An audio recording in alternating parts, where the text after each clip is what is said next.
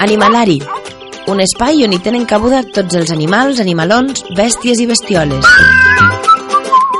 Tens una mascota? T'agraden els animals? Cada setmana ens endinsem en el món animal de la mà dels professionals veterinaris de Nexo Off the Vet.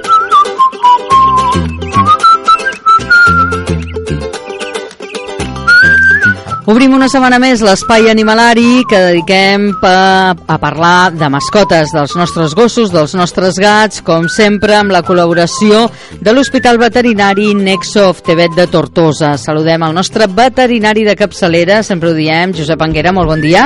Hola, bon dia, què tal? Moltíssimes gràcies, bé, per, gràcies per tornar a estar amb nosaltres.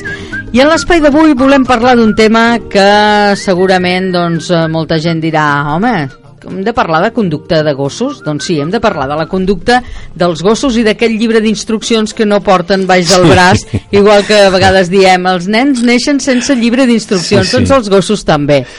I eh, sí que hem de tenir una sèrie de paràmetres per com educar-los, no? perquè també doncs, si han de conviure amb persones doncs, uh. -huh. han de comportar-se eh, i els animals doncs, suposo que s'han de guiar també, no? Igual que eduquem a les persones, doncs eduquem als gossos. Com ho hem de fer, això?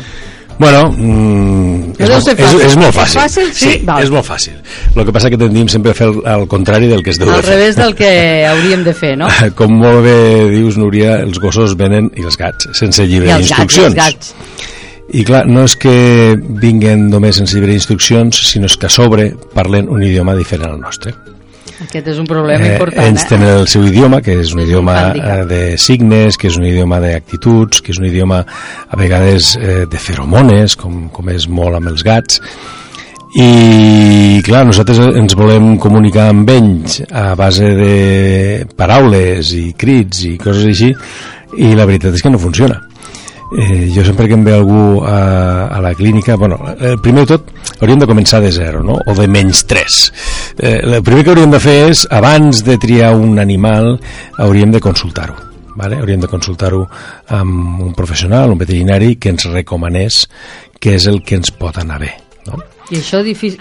Poca gent ho deu poca gent ho fa, no? Poca gent ho fa i normalment quan te venen ja el primer error ja el tenen a sobre, no? Uh mhm. -huh. eh, clar, avui en dia tots tenim una feina molt ocupada, tots tenim les nostres, els nostres mals de caps i moltes vegades la mascota se tria per l'estètica, es tria per la raça, es tria en una sèrie de condicionants que el primer que hem de fer és, bueno, aquesta mascota en qui ha de viure, eh, en aquest entorn familiar.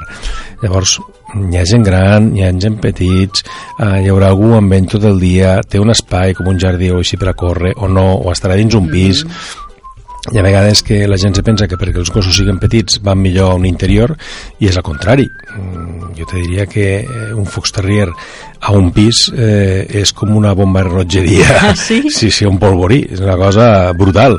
Són animals que necessiten moltíssima activitat. Sí, són petits. Mm. -hmm però, però són animals hiperactius, hipernerviosos, necessiten moltíssima activitat, no? I ens passa alguna vegada que ve la gent desesperada, ostres, és que, és que no sé què fer, m'ho destrossa tot, me... bueno, normal, és que necessita activitat, no? Eh, I a vegades pensem que els gossos grans són els millors que van fora, i jo te diria que, per exemple, un llaurador per a un interior, mm llevat dels dos primers anys que estan com a cafeteres perquè, Clar, perquè són jovens són i han de fer les d'ells però, però ja quan han assentat eh, caràcter i ja són mm. animals adults, de fet per anar això són els gossos que habitualment se gasten com a gossos piganys sí. perquè són animals que són capaços de passar-se tota una tarda sentats eh, o gitats dormint als teus mm. peus sense necessitar cap mena d'activitat i sense necessitar Clar. res més sigui que el punt menys tant, 3 aquest és seria, un punt molt sí, important eh? i que s'hauria de tindre molt en compte abans de començar, abans de, començar. Sempre, abans de tenir de comprar sí, o... buscar l'assessorament d'un professional veterinari que ens farà aquestes preguntes no? que ens preguntarà pues, en qui ha d'interactuar aquest animal, com ha de ser etc etc etc. No? I llavors a partir d'aquí ja tenim la, la primera premissa que és quin animal trio hi ha gent que potser ens ve en la idea de que vol un gos i les de dir, no, no, tu necessites un gat si és que vols tenir una mascota a casa Clar. perquè és gent que potser surt a les 8 del matí de casa i no torna fins a les 8 de la nit mm -hmm i que treballen tots dos i que no hi ha ningú més bueno, doncs un gat que és en, més autònom en no? aquest ambient són una miqueta més autistes i autistes, autònom i autistes autònom i autistes eh, un gat en aquest ambient no tindrà problemes, Mhm. -hmm. vale? i en canvi un gos podria acabar una mica tocat, pobre, tot Clar. el dia sol, no? Bueno, una vegada hem donat aquest primer pas, que és el de saber quina mascota ens convé, passaríem al segon, no? I el segon és que si és un animal, que habitualment la gent ho prefereix així, eh, agafar un animal jovenet, l'hem d'educar. Però és que resulta que abans d'educar el gos, i fa gràcia, no?, perquè a la clínica fem classes d'educació canina, i realment no eduquem els gossos, els amos. eduquem els amos.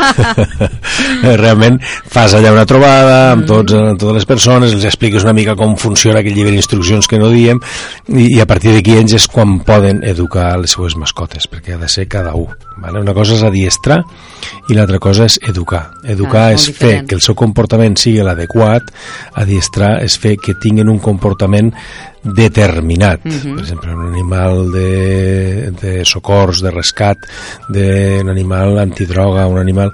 eh, Aquests gossos són gossos adiestrats Mhm. i nosaltres per al dia a dia necessitem gossos educats. Molt bé. Vale? Clara la diferència. han ficat la, la segona premissa. Eh, tercera pre- premissa. Mm, suposem que els humans són més intel·ligents que els gossos, doncs llavors és més fàcil que nosaltres parlem gos, per dir alguna cosa, que no que els gossos parlen humà. No? Llavors hem de baixar al seu nivell. nivell. És a dir, hem d'entendre com pensen ells eh, per a que aquelles actituds que nosaltres eh, fem amb ells, ells les interpreten com les han d'interpretar.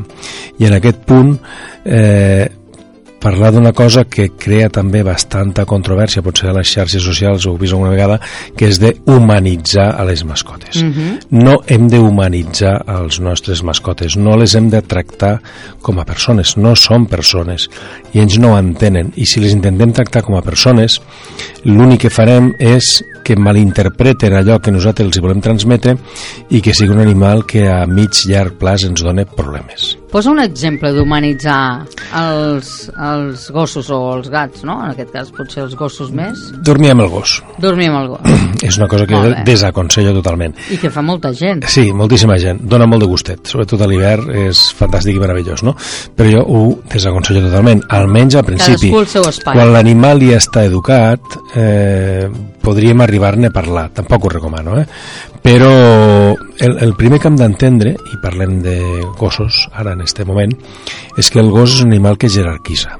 Tots tenim la idea aquesta de eh, un grup de llops on hi ha un llop alfa que és el que mana, hi ha uns betes que van a darrere i de tres va la resta de la tropa no?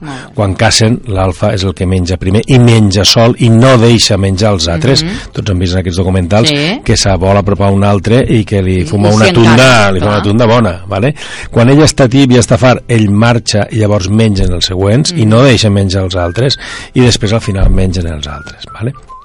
aquesta jerarquia és la que els gossos entenen llavors quan un gos eh, està creixent i, i creixement eh, mental per dir-ho així podríem eh, fer aquesta, aquesta expressió quan aquest creixement mental dura aproximadament fins l'any i mig que podríem dir que ja tenen una maduresa consolidada vale? quan un animal està creixent és quan nosaltres l'hem de situar en aquesta jerarquia llavors, què hem de fer?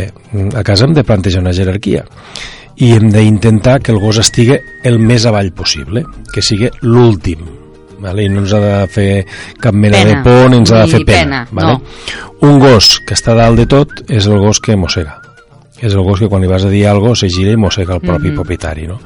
un gos que està a segon nivell és el típic gos que reconeix un mascle alfa que pot ser pues, eh, l'home o la dona de casa, que Sí. són el que li manen, el que fuma un crit i Ahà, va al puesto i creu. però que quan va un dels nens pues, li mossega, Mhm. perquè el nen el considera que està al mateix nivell o per baix. vale? Llavors, per això és molt important que aquest gos el situem a la base d'aquesta piràmide, vale? com més avall possible, millor.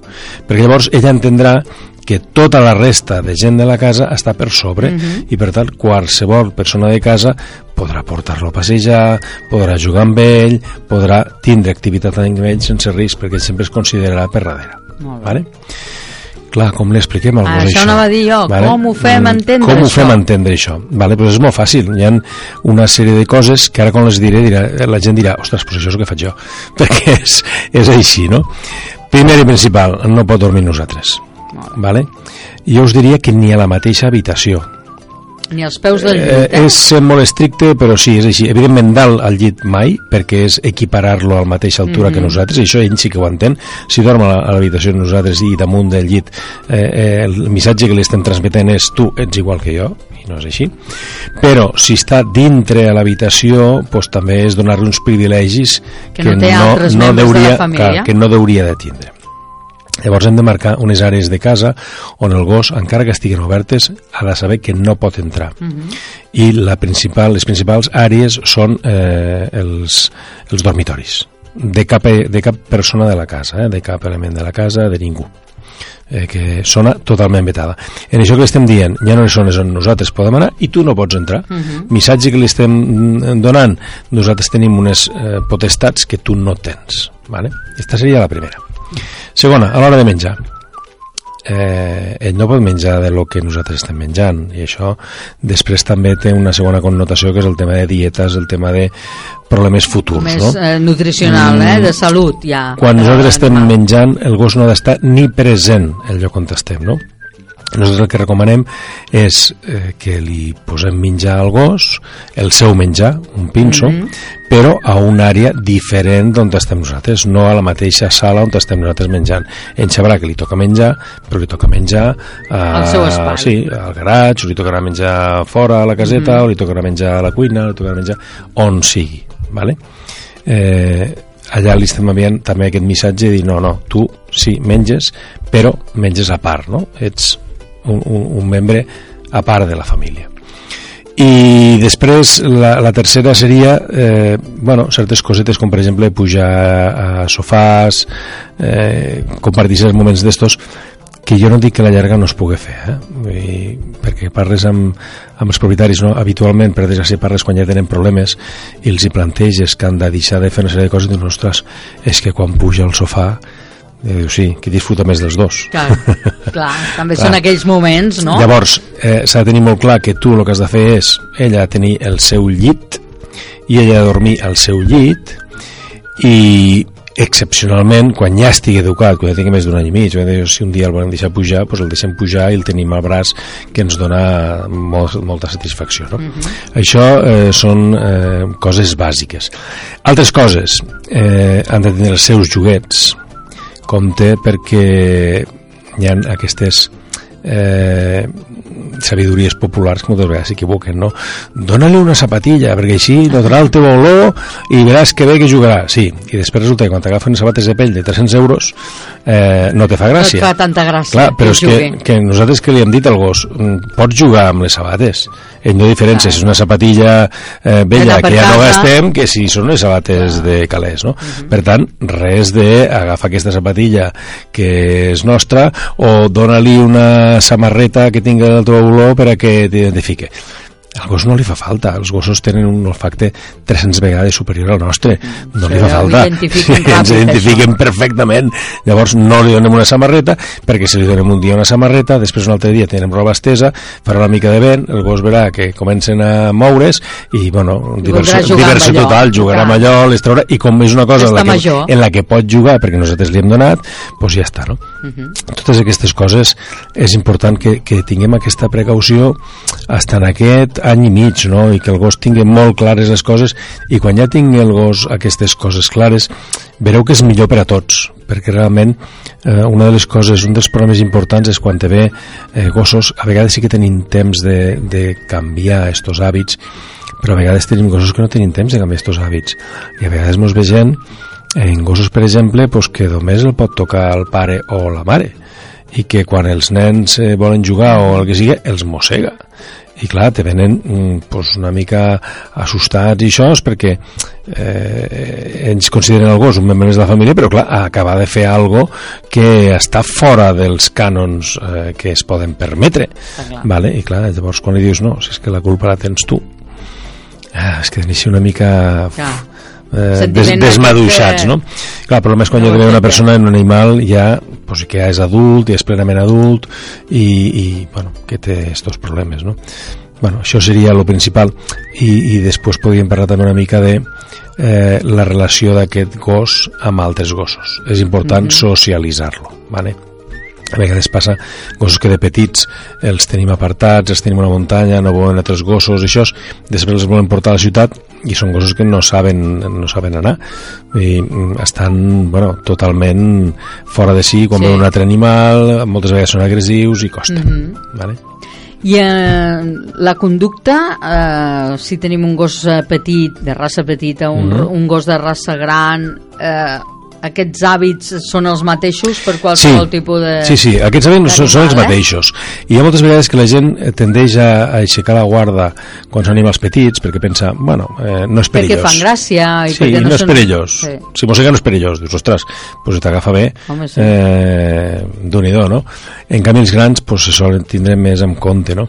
Però, bueno, eh, en, en essència és tot el mateix, eh? Uh Mhm. -huh. Parlant de gossos, no hem parlat de gats encara. Molt bé, doncs parlem de gats, parlem de gats o... No sé si ho vols deixar per un altre Sí, no, no, no, però podem, podem parlar de gats, almenys, almenys podem introduir-ho, Mhm. perquè el tema de la conducta de gats és un tema que últimament també ha avançat moltíssim, no? Els gats eh, funcionen per feromones. Eh, tenen la seva la seva independència, per dir-ho així, i jo diria que el gat, per molt que s'ha adaptat a, a, a l'home, el gat segueix tenint la seva vessant salvatge. Vale? El gat necessita caçar, i este caçar vol dir jugar emulant que caça Clar. necessita eh, assetjar des d'una zona alta, necessita dormir a refugi, eh, necessita una sèrie de coses, no? Mhm. I necessita afilar-se les ungles, rascar, necessita marcar, no només en l'orina els mascles, sinó que marquen d'altres maneres, ara en parlarem. I tot això, clar, s'ha d'entendre una mica, no? eh, els problemes dels gats que et venen doncs, moltes vegades estan relacionats amb, amb el rascat és que he comprat un sofà de pell i li té un carinyo i dius, bueno, clar, és que si no té un altre lloc on rascar doncs li fa gràcia no? Oh, I tant. eh, habitualment eh, les coses, eh, els problemes que, que et venen són aquests. Què fer un gat? Bueno, un gat s'ha de començar des del principi, igual que el gos, no? Mm, també tindre clar si volem un gat o no volem un gat. Un gat serà un animal molt independent, però també estarà amb nosaltres quan ell voldrà. No és com el gos, que obris la porta de casa Ja i el gos a saludar, content i clar. pots jugar amb ell i pots fer el que sigui. No, el gat, si l'agafes amb el dia carinyós, sí, vindrà i es deixarà acariciar dues vegades i fot el I ja cap. està. No? Molt seus, sí, sí, no? i si, no, i si no, seus, ni sortirà. Com volem dir, ara Sí, sí, que sí. pesat que bé, no? Ja està. Llavors, primer, eh, Per tant, també tenir clar, per molt que ens agradin els gats, sí, sí, volem un gat, eh? Sí, sí, si volem un gat, necessitem eh, tenim clar que l'efectivitat eh, que, que el gat ens posa a nosaltres, nosaltres podem posar la mateixa efectivitat que en un gos, però està clar que l'efectivitat no és la No mateixa. serà tan Sempre dic el mateix, el gat s'estressa més canviant de casa que canviant d'amo. Sí. Si alguna vegada se n'hagués d'anar, eh, eh, haguéssim de canviar de casa, si es quedés a casa en l'inquilino nou, estaria més tranquil que si ni canviem de casa, no? no? Eh, Això, en les feromones avui en dia Sí. hem ficat moltes solucions en això, no? Però abans així. Llavors, quan tenim un gat, eh, primer de tot, el, gat necessita dintre de casa una sèrie d'àrees diferenciades. ¿vale? Necessita un lloc on menjar, un lloc on dormir i un lloc on fer les seves necessitats. Mhm. A ningú ens agradaria que ens posessin el lavabo al costat del plat, no? No, clar. pues bueno, Per tant, pues això, tampoc, no? En ells tampoc. I més perquè són ratonets. Llavors, eh, la primera cosa que a vegades te ve gent i dius que li he posat la safata i mm, fa les seves necessitats fora. Dius, bueno, primera pregunta, on la tens? A tal lloc. I què tens al costat? El menjador? Mm, fora. una altra habitació perquè ells això també Clar. ho cuiden molt no? o intentar mantenir la safata neta perquè si hi ha gat que és molt especial i si està bruta no vol entrar eh, arenes perfumades a vegades que gasten arenes perfumades que a nosaltres ens pareix una olor mm, divina i meravellosa i amb ells agrada. repugna i no hi entren bueno, això serien problemes secundaris no? però tornant al que hem dit una mica de les àrees una àrea per a fer les seves necessitats, una àrea per menjar, una àrea per a dormir, una àrea per a caçar. L'àrea de caçar pot ser la resta de la casa. Però un gat hem de tenir una ubicació alta. Els gats, com a felins que són, assetgen des de dalt i, per tant, ells se senten segurs. Avui en dia hi ha rascadors d'aquestos molt alts, poden fer inclús més de dos metres, vale? que, que van de dalt a baix. Aquests serien ideals, si no tenim lloc a, a casa o no volem posar això, se podem posar una, però sempre en vertical, vale? almenys que faci un metre, un metre i mig d'altura. Al gat li agrada estar en alt. Vale?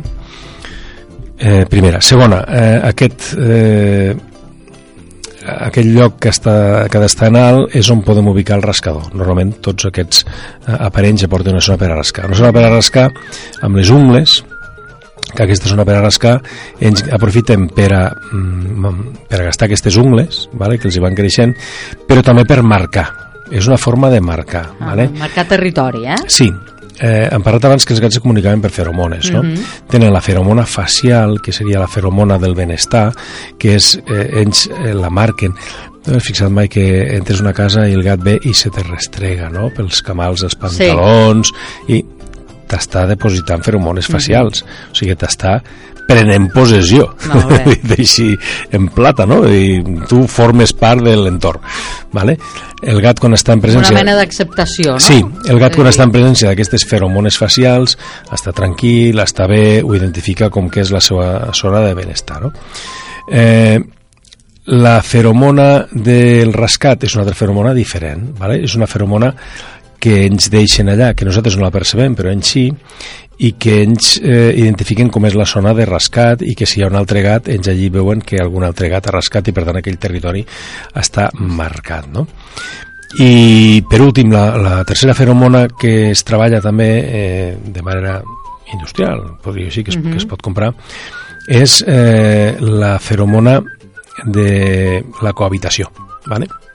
És, eh, podríem dir així, una feromona mamària, és una feromona que segreguen les gates quan estan eh, alletant eh, els gatets, que els manté tranquils, ¿vale? que el que fa és eh, que puguen coexistir, que puguen cohabitar sense barallar-se, sense... perquè és un espai petit, no? els gats necessiten el seu espai i necessiten això. Llavors serien aquestes tres feromones les que podem controlar i les que nosaltres podem gastar per a ajudar en estos gats. Com se gasta la feromona facial? Bueno, la feromona facial, per exemple, és molt important eh, el nostre gat, hem dit que identificava la casa o identificava el seu com aquelles zones on té feromona facial doncs tenim fer- feromones facials en spray o en difusors que podem gastar, per exemple el transportint quan portem el gat al veterinari no? mm, hi ha gent que fica el gat al veterinari porta el gat al veterinari i és una odissea per a nens, per al gat és un estrès, és un trauma és, bueno, terrible què recomanem? Bueno, pues el transportint que gastarem per a portar el gat al veterinari el deixem com a part integrant del seu univers. Val. Vale? Perquè pugui entrar i sortir quan a mi li perquè ho interessi. identifique com que és part del seu entorn. Ahà. Vale? De manera que eh, podem comprar un spray d'aquests de feromona i de quan en quan esprayar dintre del transportint.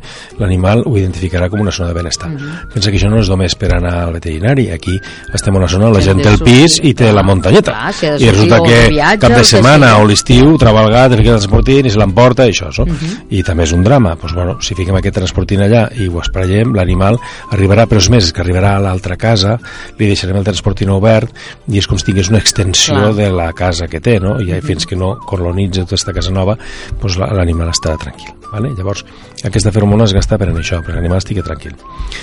Feromona del rescat. Feromona del rescat se gasta per a que l'animal no rasque, per a que rasque a un altre lloc. Molt bé. Vale? Eh, a vegades ens ve la gent això, que és que me rasca el moble o me rasca el sofà o me rasca el que La sigui, no? paret, vale, sigui. què fem? Eh, una neteja important amb un sabó enzimàtic eh, que és un KH7, per exemple, una cosa d'aquestes que és eh, que són enzimàtics que destrueixen la grasa perquè les feromones Mhm. se depositen en greix allí a la zona on està rascant vale? i esprallar un feromona facial o sigui, l'estem dient això és una feromona, és una zona de benestar, De no és una benestar. zona de marcatge vale? llavors mm, comprem un, un rascador o el rascador que tenim gastem aquesta feromona de rascat depositem la, la feromona allí que són uns sobrets que venen que, que són d'un color blau deixem marcat perquè el gat ha de veure aquesta marca Mhm. S'ha de tant- visibilitzar. sí, sí, la visibilitzar eh, i llavors l'animal rascarà a l'altre lloc i la tercera feromona, que seria la feromona eh, de la cohabitació, la gastem pues, quan a una casa, per exemple, tenim un gat i el que diem de la sabidoria popular, no, és que un gatet pobre és poc, mm, millor dos que es fan companyia. Sí. Error. Doncs, Eh, dos territoris i a vegades que poden haver serios problemes no? doncs quan tenim animals així el que gastem són aquestes feromones maternals per dir-ho així o, o mamàries que ens fa més fàcil que puguen cohabitar perquè ens eh, noten un entorn com quan eren cadells i estaven mm -hmm. compartint aquell espai íntim que, que és el mamà no? Mm -hmm. en això mm, cobrim pràcticament el 90% de les casuístiques de problemes en gats, de conductes en gats. Mm -hmm.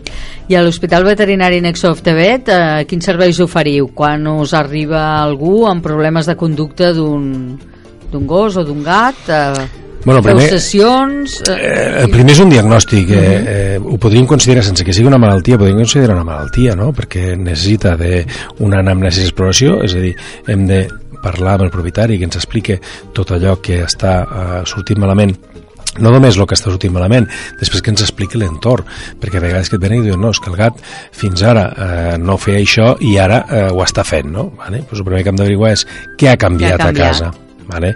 eh, hi ha un altre gat, ja hem introduït una altra mascota, uh mhm. -huh. hi ha un altre membre de la família, hem canviat eh, la ubicació de les coses, a vegades pot ser signe de malaltia. Uh mhm. -huh. Un animal, per exemple, que faci les seves necessitats fora de la seva safata pot indicar-nos que té algun tipus de complicació, algun tipus de patologia que és el que està produint això, o sigui, no, no és només conducta, no? Uh mhm. -huh. Però bueno, això és, és important i a partir d'aquí d'aquest diagnòstic és quan ja posem aquestes bases de, de solució no? en gats a base de feromones en gossos a base d'entrenament o de conducta, d'anar reconeixent que el propietari reconegui aquestes coses que diem educar el propietari i que sigui el propietari el que faci aquests canvis per anar, per anar fent això la salvetat dir-vos que no són coses ràpides, són coses que necessiten el seu eh? temps, que s'ha de tindre paciència, que al final un percentatge elevat solen anar a bon port, no el 100%, uh -huh. compte, que la gent està acostumbrat a veure el César menjant per la tele i és fantàstic i meravellós perquè no mos ensenyen tots aquells clar, que no li funcionen. Clar. Vull dir, hauríem de fer un programa que Ni el digués, temps exactament claro, que estan que, que ens diguessin eh, els animals que no han funcionat fer Sant Villar, no? Sí. Mm, eh, evidentment en animals eh, mai és el 100% i sempre hi ha animals que és molt complicat o pràcticament impossible eh, retorbar-lo Mm, quina cosa fem a la clínica? Bueno, una mica eh, en gats, eh, és important. Nosaltres en gats tenim una zona diferenciada. Vale? Nosaltres tenim una consulta només per a gats uh mhm. -huh. i ara estem instal·lant una hospitalització només per a gats. Per què? Precisament per aconseguir això, que aquest animal estigui tranquil. És una sala que només entren gats, és una sala que es preiem feromones, és una sala on hi ha un rascador d'aquests immenso que quan arriba el gat a la consulta a vacunar-se pel que sigui, entra directament allí, entra al rascador, se relaxa una estona i després el manipulem. El canvi és brutal de poder eh, treballar un animal així a treballar un animal que l'han ficat a la força dins el transportint que dels nervis moltes vegades orina, es defeca, vomita dins el ah, transportint clar. que el treuen a la consulta i bueno, en quan nota olor de gossos nota, eh, encara es fica més nerviós clar. i llavors el trastegen, sí, sí. el punxen el manipulen, bueno, poden sortir tots allí garrapats i llavors és un tema que, que ara estem això en l'homologació de clínica cat friendly que es diu, són clíniques mm -hmm. que tenen eh, unes instal·lacions específiques, específiques. Per, per gats i estem, la consulta ja la tenim i ara estem treballant el tema d'hospitalització perquè entenem que els gats no són gossos petits, els gats són una espècie totalment diferent. Diferent i amb comportaments totalment diferents. I una pregunta, si per exemple volem adoptar una mascota, mhm. -huh. eh, clar, potser ja l'adoptarem amb uns hàbits adquirits, sí i aquí podem tenir conflicte o no, no necessàriament adoptar vol dir sí, eh, eh, conflicte, no vol dir hmm. conflicte de forma obligatòria, però sí que a vegades pot tenir aquell animal uns hàbits adquirits i l'hem de reconduir en la seva conducta, no? perquè estigui acostumat a fer eh, segons quines coses que a casa no es poden fer o perquè estigui educat d'una altra manera, no? bueno, quan s'agafa un animal d'adopció és exactament el primer que hem dit només començar, no? el menys 3 hem de saber exactament per a què volem aquest gos, mm -hmm. en quin entorn estarà aquest gos i ens hem de deixar aconsellar vale? triar un gos per estètica no és una bona idea Vale? Eh, ens podem deixar aconsellar per un professional o ens podem deixar aconsellar per la gent de les protectores pensa que la gent de les protectores s'hi passa moltes hores allí dintre i ells aquests gossos els coneixen i saben quin és nerviós, quin és tranquil quin és agressiu, quin no ho és quin relacionament amb els gossos, quin no per Llavors, tant, quan anem a adoptar la Clar. protectora també ens Clar, poden clar, jo sempre dic el mateix. orientar, eh? Sí, sí, sí. Primer tenir clar el que necessitem nosaltres a casa i una vegada ho tenim clar, anar a la protectora i dir, mira, jo necessito un animal que mm, pugui sortir poc, que se relaciona bé amb nens, Mhm. que no sigui nerviós, que no... Ja li donem unes característiques i qui millor que el personal de la protectora per dir, Que mira, bé tenim aquest, tenim aquell. Eh, és com els nens, no? Sempre diuen que el teu nen és el més guapo de, del món, no? Les mascotes igual, per molt lletja que sigui, eh, al cap de 5 minuts eh, és la més guapa del món, o sigui, que, que ningú li faci por això. Està clar. Doncs avui hem parlat d'un tema interessantíssim, la conducta de les nostres mascotes i de, ens han donat consells interessants també de com eh, hem de començar a educar des del minut zero a les nostres mascotes perquè tinguin clar quin és el seu posicionament a dintre de les cases i que després no ens lamentem de, de conductes que, que pugui, puguem trobar-nos no? amb animals doncs, que fan destrossen mobles o no es comporten com creiem que s'han de comportar. Un tema interessantíssim, segurament que donaria per molt més, però ara de moment ho hem de deixar aquí. Segur, potser en propers capítols podem continuar parlant de- d'altres aspectes de la conducta dels animals. Sí, jo encoratjo, segur si, si algú ens, ens escolta i té un problema particular d'aquest tipus d'això, que ens ho faci saber i podem parlar d'aquest tema en particular o ampliar una mica més. Eh, aquí sempre parlem de temes una mica genèrics. General, no? sí. I clar, eh, hi ha molts de matisos i hi ha moltes coses diferents, no? Llavors, algú està interessat, doncs, doncs és important de que, de que sigui així, doncs no? a través del Facebook de Ràdio Tortosa o a través del correu electrònic radio arroba radiotortosa.cat que ens ho faci saber i en propers programes doncs ho, ho parlarem, ho abordarem. Josep Anguera, moltíssimes gràcies una setmana més per ser amb nosaltres. Moltes gràcies a vosaltres. Molt bon Adéu. dia.